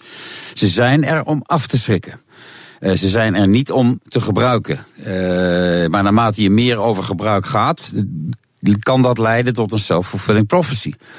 Uh, de NAVO, die ik een aantal jaren heb mogen, mogen leiden, is een, een nucleair bondgenootschap. De NAVO heeft kernwapens. En de NAVO zal kernwapens blijven houden, is een nucleaire alliantie politiek-militair. En in dat militaire stuk zit ook een deel, een deel kernwapens. Ook hier weer. Want er dreigen nu ook een aantal verdragen met, met Rusland dreigen in de gevarenzone te komen. Ook hier weer zul je van alle kanten. Uh, en daar ben ik altijd diplomaat voor gebleven. Dat is de kerntaak van de diplomaat. Uh, het gesprek te blijven aangaan. Uh, Trump heeft nu in zijn Nuclear Posture Review, wat, wat, wat de strategie rond kernwapens uiteenzet, heeft hij een aantal opmerkingen gemaakt die gaan leiden tot een grote modernisering van het kernwapenarsenaal. Maar je moet het wel bij de tijd houden, dat, dat, dat, dat begrijp ik. Vladimir Poetin lijkt volgens sommige bronnen, ik kan ze niet verifiëren uiteraard, bezig te zijn aan, aan, aan, aan de ontwikkeling van een kernwapen met een lagere yield, zoals dat heet. Zeg maar een kleiner kernwapen in, in, in lekentaal gezegd. Trump wil dat ook. Uh, ja, dat zijn zonder dat er met elkaar gepraat wordt, uh, zijn dat zorgwekkende ontwikkelingen. Uh, en daarom zeg ik ook, ondanks het feit dat Poetin de Krim heeft geannexeerd in strijd met alle internationale rechten en regels. Dat hij in Oost-Oekraïne een conflict uh, levend houdt. Uh, uh, dat hij zich in andere delen van de wereld op een verkeerde manier gedraagt. Ondanks al die kritiek en de terechte sancties die daaruit volgen, vind ik wel dat we serieuzer uh, een kanaal voor dialoog met Rusland moeten openhouden. om ook dit soort hele kwetsbare onderwerpen te bespreken. Ja, dat, is, dat is een kanaal, een diplomatiek kanaal. Uh, heeft u de indruk dat die aan het dichtslippen zijn? Ja. Ik, ik, uh, ik geloof het wel. Na uh, de begrijpelijke, uh, zeg ik nogmaals, en ook mijn kritiek op, op je kunt niet zomaar een, stuk grond van een ander land annexeren en met je troepen Oost-Oekraïne binnentrekken. met andere woorden, ik behoor bepaald niet tot de categorie die op zijn Duits zo mooi Poetin-versteer worden genoemd, die alles wat Poetin doen prachtig vinden. Nee, ik beschouw Poetin als een opponent, als een tegenstander. maar dat wil niet zeggen dat je met die tegenstander dan vervolgens het dialoog niet probeert aan te gaan. Ja, dat is falen van diplomatie als die kanalen nou ja, dan, toch? Jawel, maar, maar die diplomaten, nou weer even als de diplomaat mhm, spreken. de, mhm. de, diplomaten zijn natuurlijk afhankelijk van de politieke uh, opdrachten uh, van, hun, van hun politieke leiders. Een, een, een diplomaat doet wat hem wordt opgedragen. Uh, en die heeft daarbij uiteraard een, een, marge, want daar is hij diplomaat voor. Uh, maar de diplomaat maakt niet uit wat er gebeurt. De diplomaat maakt niet uit uh, of er serieuze kanalen met Rusland gebruikt worden. Dat, dat is de verantwoordelijkheid van de politieke leiders. Mm. En, die, en dat het dichtslip, dat ligt aan de Russische kant, zegt u? Nee, dat ligt, dat ligt aan, aan, aan het, het wangedrag van Poetin en van de Russen. Uh, maar dat ligt ook aan het feit dat zowel binnen de Europese Unie als binnen de NAVO uh, er geen eensgezindheid is over wat een Ruslandbeleid zou moeten zijn. Poetin heeft een Europa-politiek, maar Europa heeft geen Rusland-politiek. Uh, maar Rusland-politieken zijn sommige uh, landen in de Europese Unie die veel uh, vriendelijker willen zijn tegen de Russen. Denk, aan, denk aan de Italianen, denk tot op zekere hoogte ook aan, aan, aan, aan Grieken. Duitsland heeft altijd een speciale relatie met Rusland. En dan zijn natuurlijk de echte hardliners, de Baltische staten. Ja. En als je ziet waar de Balten liggen, dan begrijp je dat ook. Ja. Polen. Uh, met andere woorden, er, is binnen NAVO en Europese Unie is er eigenlijk altijd gedoe over het Ruslandbeleid. Uh, en, en dat weet Poetin heel goed. Dat gebruikt hij ook, speelt hij ook uit. En zolang er dus niet een eensgezinde benadering is van Rusland, wordt het erg moeilijk voor diplomaten om die kanalen op een, op een subtiele wijze te gebruiken. Hoe doen we dat in Nederland? Is, uh, hoe doen Nederlandse diplomaten dat? Nou, die doen dat net als al hun, uh, al hun collega's. Uh, u had het aan het begin, aan de kop van de uitzending, had u het over uh, de Big Five. Ik weet niet wie de Big Five zijn, maar Bent voor mij. Wel, meneer de Hoopscheffer. Voor, voor, voor mij hoort in ieder geval ook onze huidige ambassadeur, mevrouw Jones Bos, die in Moskou zit, tot, tot de Big Five van de, van de Nederlandse diplomatie. dat zijn zeer ervaren diplomaten. nou, zij is dan in, in, Mos in Moskou geposteerd. en zij zal daar, maar onder politiek politieke leiding van minister Zijlstra uiteraard proberen te bekijken wat er te doen valt. Zij, zij staat voor het Nederlands belang uiteraard. Maar dat valt natuurlijk in grote mate samen met Europees belang. En daar heb je dit soort topdiplomaten voor nodig. Maar wat, wat, wat heeft zij dan nu bereikt? Kun je, iets, kun je zien wat ze bereikt of niet? Nee, uh, en dat, dat kan ook niet op een, op een moment uh, dat de verhouding uh, met Rusland, de verhouding Europa-Rusland, natuurlijk op een, op een, in een hele slechte fase is. Um, ik begon in, bij de NAVO, toen was het heel goed. In 2004, ik ging weg, toen was het, uh, was het heel slecht. Ondanks het feit dat de Russische ambassadeur, uh, toen hij aantrad, het is nu de eerste vicepremier in Rusland, meneer Rogozin, kwam, mij, kwam met een enorm cadeau voor mij aan. Wat bleek daarin te zetten? Een enorme bijl. Uh, en die meneer Rogozin zei tegen mij, secretaris-generaal, ik kom de strijdbijl begraven. Nou, het tegendeel gebeurde. Het was ook een gigantische bijl die hij kwam aanbieden, niet zo'n subtiel cadeau. en, en je moet, je moet proberen, maar nogmaals, dat is Europees beleid. Hè. Ik praat nu echt over hm. beleid wat in de Europese Unie vorm moet krijgen. Want het heeft geen enkele zin dat Nederland alleen Ruslandbeleid gaat voeren. In de Europese Unie moet dat vorm krijgen. Binnen de NAVO over andere onderwerpen moet dat vorm krijgen. En dat is, heb ik zelf ervaren, verdraaide lastig. Heeft u het uh, nieuws van vanmorgen meegekregen dat, uh, dat uh, president Trump de militaire parade in Parijs zo mooi vond dat hij er nu ook een wil in Washington? Ja, en hij moet, dan, hij moet dan groter worden, want hij, hij baseert zich dan op de 14 juillet, op 14 juli Frankrijk, hè, Bastille Day. En dat moet allemaal, allemaal groter en mooier. Ja, het, het is. Het is uh, Wat zegt hoe u zal, dat? ik het, hoe zal ik het netjes zeggen? Het is, het is aan de kinderlijke kant. Hoe eng is dat? Nou ja, ik, vind een militaire parade niet eng. Nee, Eh, maar dat- een president die er heel graag één wil en dan nog het het liefst de is- grootste.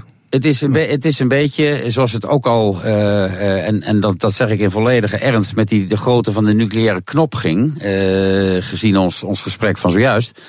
Het, het is natuurlijk een beetje een wedstrijd verplassen. En, en, en in dit geval verplassen met de Fransen. En ik houd van militaire parades in die zin dat dat is in, in in Frankrijk een prachtige moment op, de, op, de, op, de, op, de, op, die, op die grote feestdag.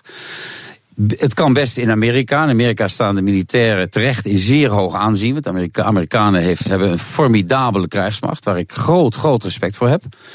Maar of je nou eh, met dit soort argumentatie moet zeggen: ik ga x miljoen dollar uitgeven voor een militaire parade. Ja, dat is weer, dat is weer zo wat, hè?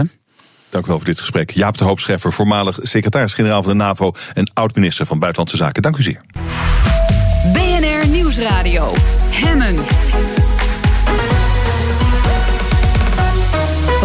Hemmen. Bedrijven die zich structureel niet goed genoeg beveiligen tegen cybercriminaliteit zouden daarvoor een boete moeten krijgen. Ik bespreek het in. De kantine. Met vandaag Iteke de Jong van de Telegraaf en Bianca Pander van campagnebureau BKB. Goedemiddag, mooi dat jullie er zijn. Goedemiddag. Eh, dit ideetje, het is een ideetje van een hacker eh, van eh, Willem Westerhof heet hij, van IT Sex Security Services. En hij ziet elke dag, het is zijn werk om bedrijven door te lichten. En hij ziet elke dag dat die bedrijven vaak krankzinnige risico's lopen. En hij zegt nu, geef iedereen die het gewoon niet goed op orde heeft een boete. Iteke, wat denk jij? Ja, ik zou. Ik denk dat bedrijven daar natuurlijk primair zelf verantwoordelijk zijn, voor, voor zijn. Ik bedoel, Kan ook over jouw eh, zaken of gegevens gaan. Nou ja, ik, eh, dat is waar. Maar ik ging er tot nu toe altijd vanuit dat bedrijven daar de allerhoogste prioriteit aan gaven. Echt dus eh, ja. Ik bedoel, bijna iedereen zit toch, doet, doet toch tegenwoordig zaken in. nou ja, op internet. Dus eh, ik, ik stond echt versteld dat dat eh, niet op orde is. En de overheid zou zelf het goede voorbeeld moeten geven. Ik dacht, nou, die hebben gewoon standaard in hun protocollen... als er nieuwe software wordt ontwikkeld... dat, dat aan, een, aan, aan de allerlaatste standaard zou voldoen. Ja, dat is dus niet zo. Dat is dus niet zo. Dus ik denk gewoon eh, een oproep van onze minister van Economische Zaken: bedrijven werk aan de winkel.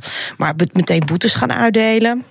We kunnen eerst gewoon een jaar ehm, de bedrijven het zelf laten oplossen. En dan zouden we altijd nog Maar- tot een rigide maatregel over kunnen gaan. Maar volgens mij wordt al heel lang geprobeerd om het aan bedrijven zelf over Mhm. te laten. En we zijn eigenlijk een beetje zo sterk als onze zwakte schakel. En als er dus heel veel zwakke schakels zitten, dan lopen we allemaal risico in Nederland. Dus als het niet werkt zoals het nu gaat, dus door verleiding, door campagnes te voeren en te zeggen: hey, kijk, let op je veiligheid, zorg dat, het, dat je dubbele beveiliging hebt op al je systemen.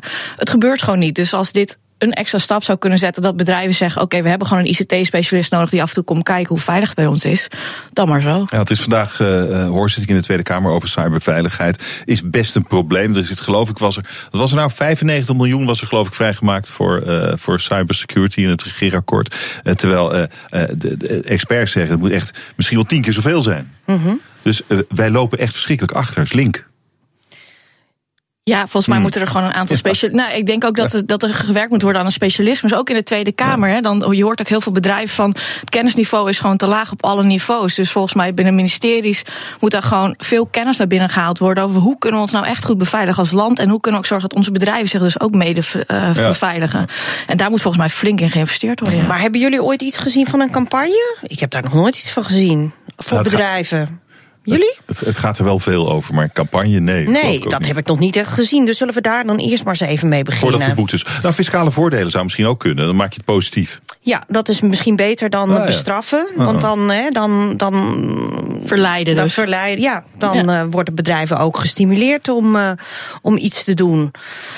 Maar goed, om nu meteen als overheid eh, ja, op, op de stoel te gaan zitten. En ik denk, ik ga ervan uit dat banken bijvoorbeeld, die, eh, dat die gewoon eh, de, de allerhoogste prioriteit Ja, dat daaraan zag je geven. vorige week met die DDoS aanvallen. Nou ja, goed. Toch de- de- kwetsbaar. ja, maar dat hou je. Dat, dat, Hm. dat, dat, dat voorkom je niet. Of je moet weer de overschrijfkaarten in een papieren envelop doen. Soms denk ik nog wel eens dat dat nog... misschien is dat het ik wel. denk soms nog wel eens dat dat gewoon nog... dat dat op dit moment even En de veiligste dingen is. Naar de accept girokaart. Ja. ja, heel goed. Kennen jullie Zuid-Afrika? Ja, een beetje. Een beetje. Ja, schitterend land.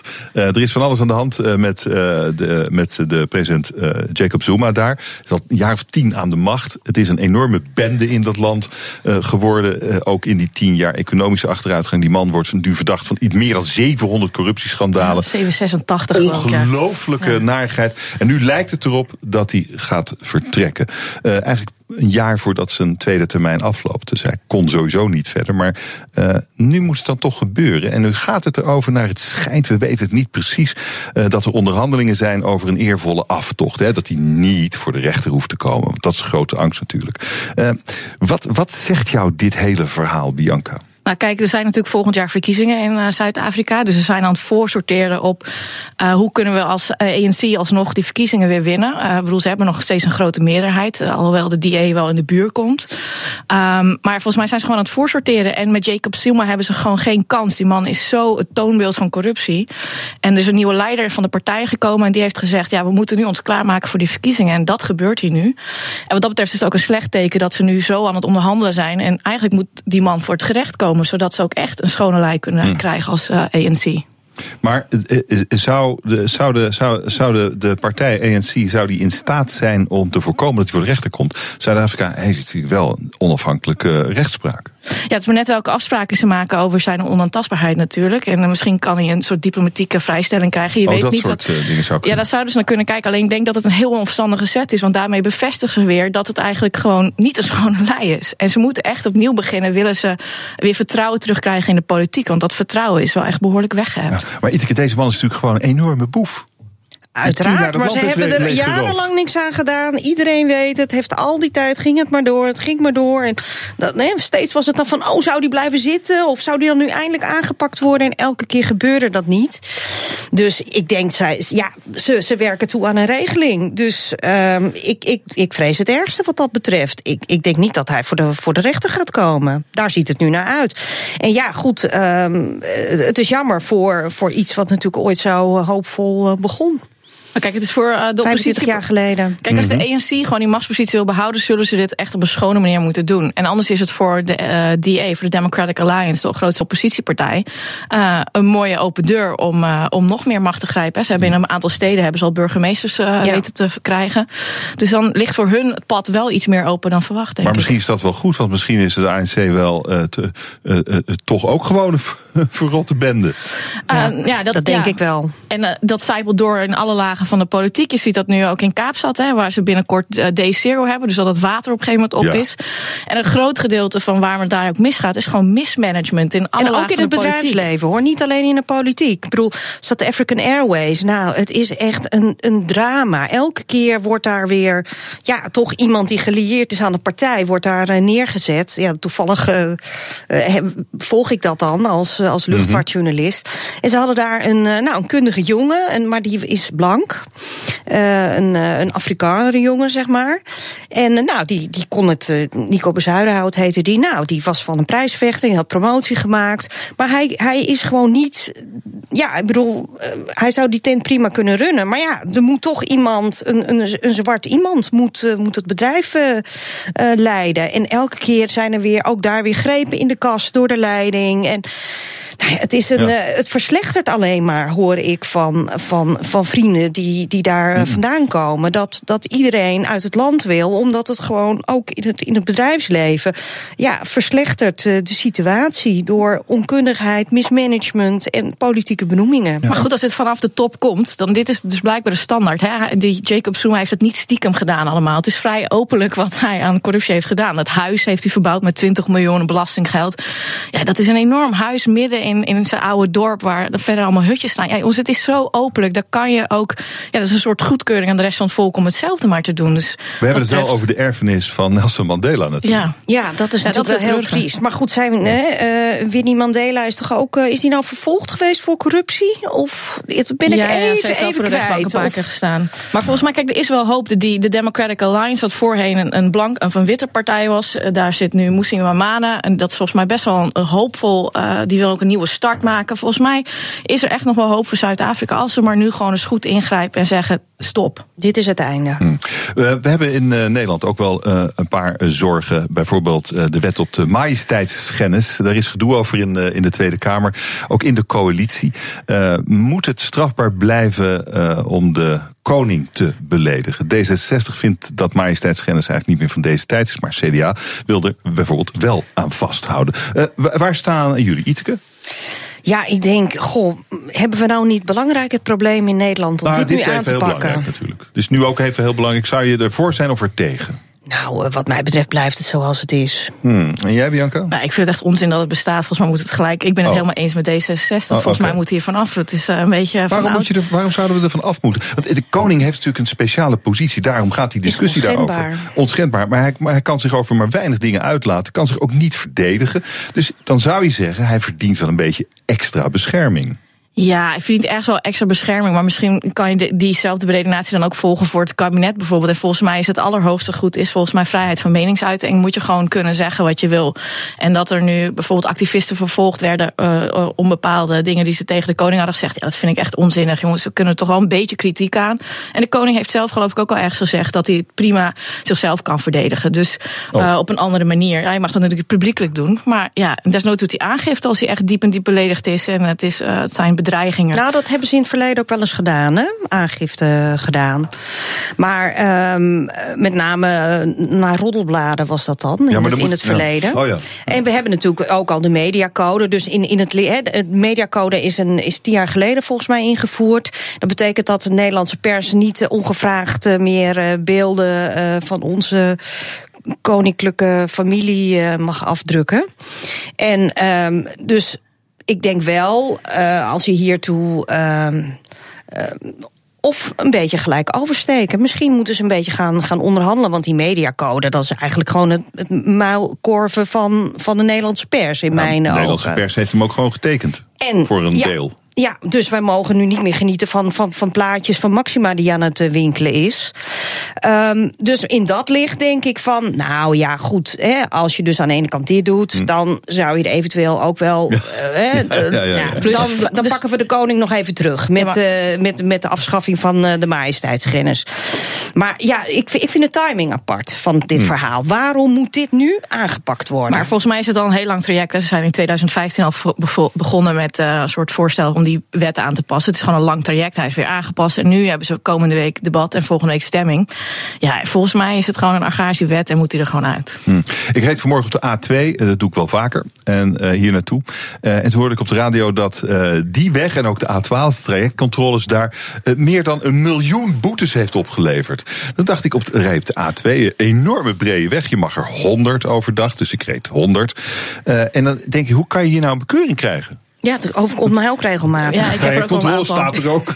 Echt waar? Ja, nou, ik, op sommige, ik geloof ook dat er een deel tussen Amsterdam en Den Haag was... waar ook heel veel boetes uitgedeeld waren. Ja, ik vind het soms ook wel verwarrend. Waar mag je naar 100, waar mag je 130, waar mag je 120? Het wisselt wel eens. Ja, maar trajectcontrole, dat staat er gewoon. Dat klopt. Ja, nou, toch heb ik ook wel eens een boete daar te pakken. Ja, er zijn altijd wel kleine boetes. Hè. Ik geloof het gemiddelde was 58 euro, las ik of zo. Nou, dus het valt. Maar klein nou ja, dan rij je niet heel veel te hard. kilometer te hard. ik, ik, weet het niet precies.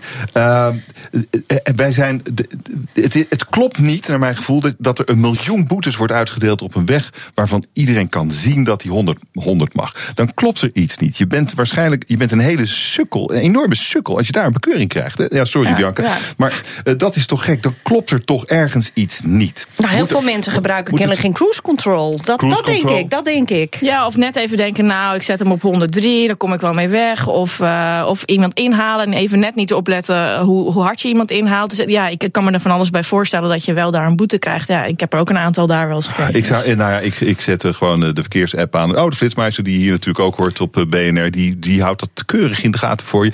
Maar uh, uh, ja, er zouden misschien ook gewoon grotere borden moeten komen. Het is gewoon niet eerlijk als veel, zoveel mensen. Nou, het ik niet, vind op de A2 denk ik altijd, waar begint hij nu ook alweer? Dat heb ik altijd wel. Dat ook, ja. Het zijn verschillende trajecten. Ja, maar ja, in principe, uh, mijn man gebruikt altijd de cruise, cruise control. Die heeft nooit verkeersboetes. Ik uh, gebruik nooit de cruise control en ik heb best wel vaak boetes. Dus volgens mij is er wel een oplossing voor. Ja, gewoon.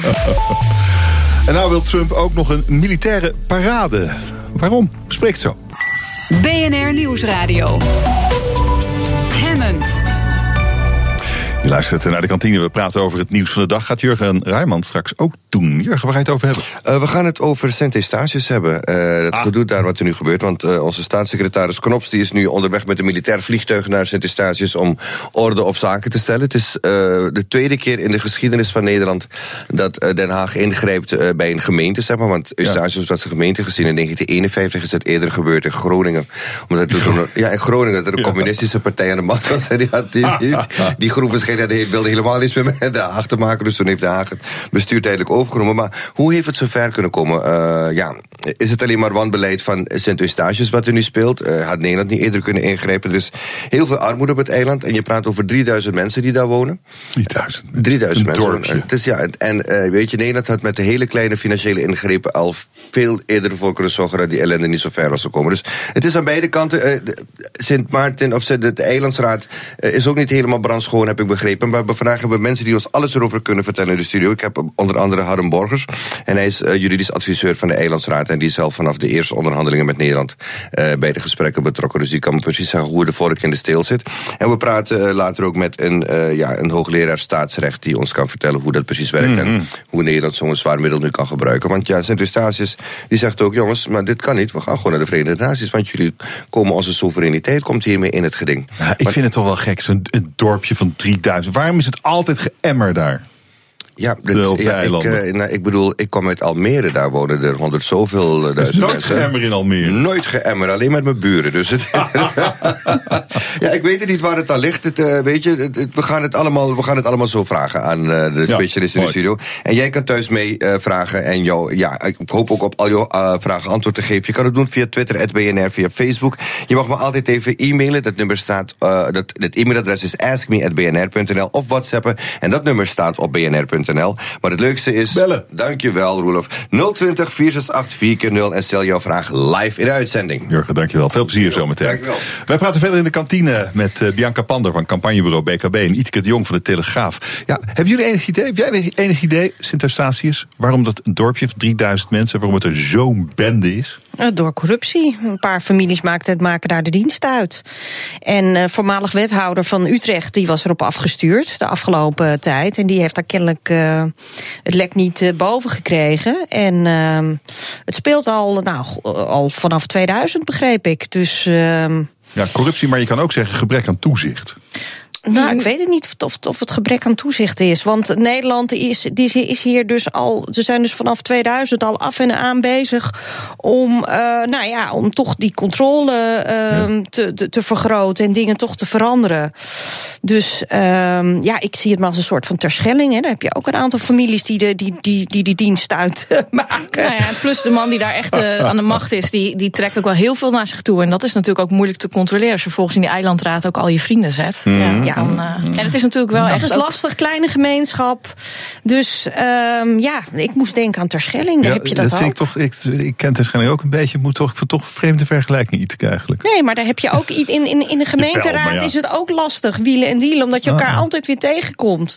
In een grote stad is het natuurlijk veel uh, anoniemer. Ja, is nog iets anders dan uh, corruptie en zulke ellendes op Sint-Eustatius. Nee, oké, okay, maar om even, even, even te vergelijken. Nee, tuurlijk. Uh, dat, die beschuldiging wil ik hier zeker niet uiten. Maar wel gewoon dat dat een aantal mechanismen zijn. Hmm. die door. Uh, ja, het is een kleine gemeenschap en, en een eiland. Ja, dat, dat, dat, dat werkt dat misschien wel een beetje in de hand. Ja. Um, Trump, hij wil een militaire parade. Pennsylvania Avenue in Washington, zo voor het Witte Huis langs. Schitterend idee lijkt hem dat. Hij moet ook groter zijn dan de Franse militaire parade op 14 juillet in Parijs. Um, wat, wat zegt ons dat, Bianca? Nou, hij heeft dit, dit ideetje opgedaan nadat hij in Frankrijk is geweest, waar hij inderdaad onder, uh, langs, de langs de kant stond bij een militaire parade. Ja, het zegt maar weer dat Trump gewoon, de, gewoon dingen bedenkt als hij de laatste die iets tegen hem zegt, denkt dat is een goed idee, dat gaan we doen. Hij is zich niet bewust van de implicatie. En volgens mij heeft hij ook niet nagedacht waarom hij wil hij dit. Want uh, volgens mij is het al lang duidelijk in de hele wereld dat de Verenigde Staten een machtig uh, leger hebben. Dat, doen, dat laten ze zien door waar ze ingrijpen, hoe ze ingrijpen, hoe groot het leger is, hoeveel militairen er in Amerika zijn. Dat hoef je volgens mij echt niet op Pennsylvania Avenue te hebben. Maar Frankrijk doet het toch ook? Dat is hartstikke leuk. Ik, ik denk eigenlijk meer dat hij het fun vindt. Ja. Gewoon laten zien. Oh, leuk. Tanks, wat we raketten, allebei soldaten, hebben. cool. En misschien ook Korea. Doen ze dat ook niet in Noord-Korea? Ja. Van die eh, Ja. peerparades. Ja, ik denk Dus, dat hij het eh, fun vindt. En ik denk ook dat het bij zijn achterban best gaat werken hoor. Dus ik denk dat het helemaal niet een domme set is van, van- voor zijn eigen achterban. Want eh, nou, die denken ook vaak in winnaars en, en verliezers. Nou, hier kan je weer mee laten zien dat je als Amerika absoluut een winnaar bent. Want ze hebben echt een enorm wapenarsenaal. Ehm, dus ja, het, als het er gaat komen, is het denk ik goed voor zijn eigen achterban. En de rest van Amerika zou weer denken: oh god, we zitten met deze man nog drie jaar opgescheept. Ja, ik, Help. ik heb dat de ook- rest van Amerika.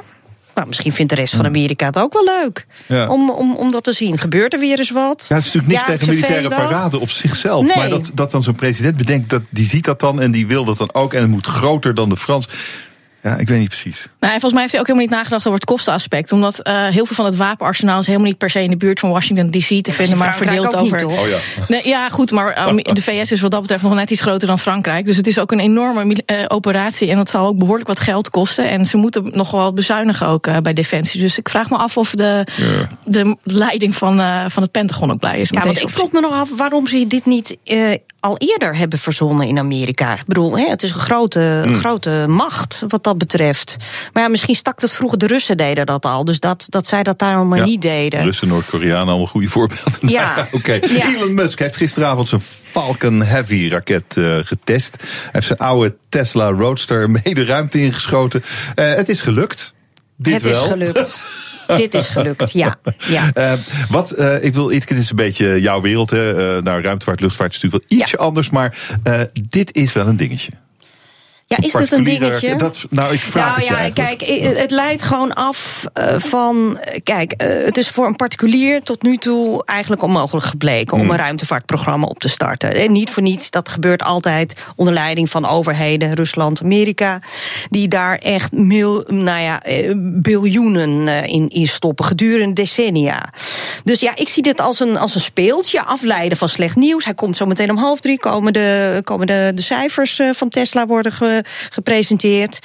En hij heeft de boel nog niet eens voor elkaar met eh, zijn auto's. Nou ja, dan begin je toch een ruimtevaartproject om het daar maar niet meer over die, eh, die wanprestatie bij de auto's eh, te hebben. Tesla Model Dus eh, ja, 3, ik, ik zie het meer Toys for the Boys. Dat, eh, dat, zo, zo zie ik dit ruimtevaart eh, gebeuren. Ik vond het wel cool dat hij zijn oude auto gewoon mee. mee Ja, maar daar eruit heb je het dan nu weer over. ja, en al die Boys, mensen die hun geld kwijt zijn, omdat ze die auto al vooruit betaald hebben, Hmm. die zitten aan de kant. Nou, ik, ik, ik weet niet of dat. Het zou een onderdeel van zijn strategie kunnen, eh, kunnen zijn. Maar ik vind ook, het, het zegt heel veel over wie Elon Musk is. Die altijd gewoon tien stappen verder is dan de rest van ons. Eh, en dit is volgens mij daar weer een voorbeeld bij. En dat hij dat dan op een grappige manier doet. En de Space Odyssey ook nog draait eh, in, dat, in die Tesla van hem. Vind ik eigenlijk alleen maar echt, ja, good for him. Weet je wel, dat hij dit kan betalen en dat hij dit voor elkaar krijgt. En daarmee misschien ook wel echt verandering in de wereld teweeg brengt. Welke dan? Verandering in de wereld. Omdat er gewoon anders gedacht wordt eh, eh, over de ruimte. En dat er weer meer mensen, misschien jonge kinderen dit zien en denken: te gek, ik wil ook weer met die ruimtevaart bezig liggen, kansen. Ik vind het een positief verhaal. Ja, Waar gaat die not? raket eigenlijk heen? Eh, hij heeft volgens mij verschillende doeleinden ermee. Hij wil volgens mij eh, mensen de ruimte in kunnen brengen op den duur met deze, eh, met deze raketten. Maar ook gewoon, hij kan zwaardere eh, satellieten vervoeren dan de, de raketten van de ESA, volgens mij.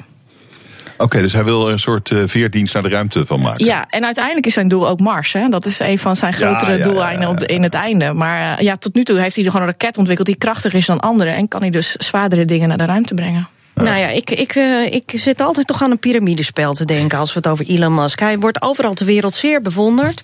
Maar ja, die mensen zijn, ik denk dan steeds aan al die vooruitbetalingen op die Ja, auto's. het schijnt dat ze nog geen cent verdiend hebben. Nee, zeker niet. Alleen maar verliezen. ja. En hij, eh, ja, hij eh, met, met dat, die hele autofabrikage, die, die dreigt op een drama uit, eh, uit te lopen. Maar Dus, als, je, als je kijkt wat hij. ik was vorig jaar in, eh, in Californië. Als je ziet wat daar aan verandering teweeg is gebracht bij mensen. Dus overal rijden nu elektrische auto's. eh, en dat is in Amerika een enorme denkwijziging geweest. En volgens mij is dat super positief. Dus als hij dat alleen al voor elkaar heeft gekregen.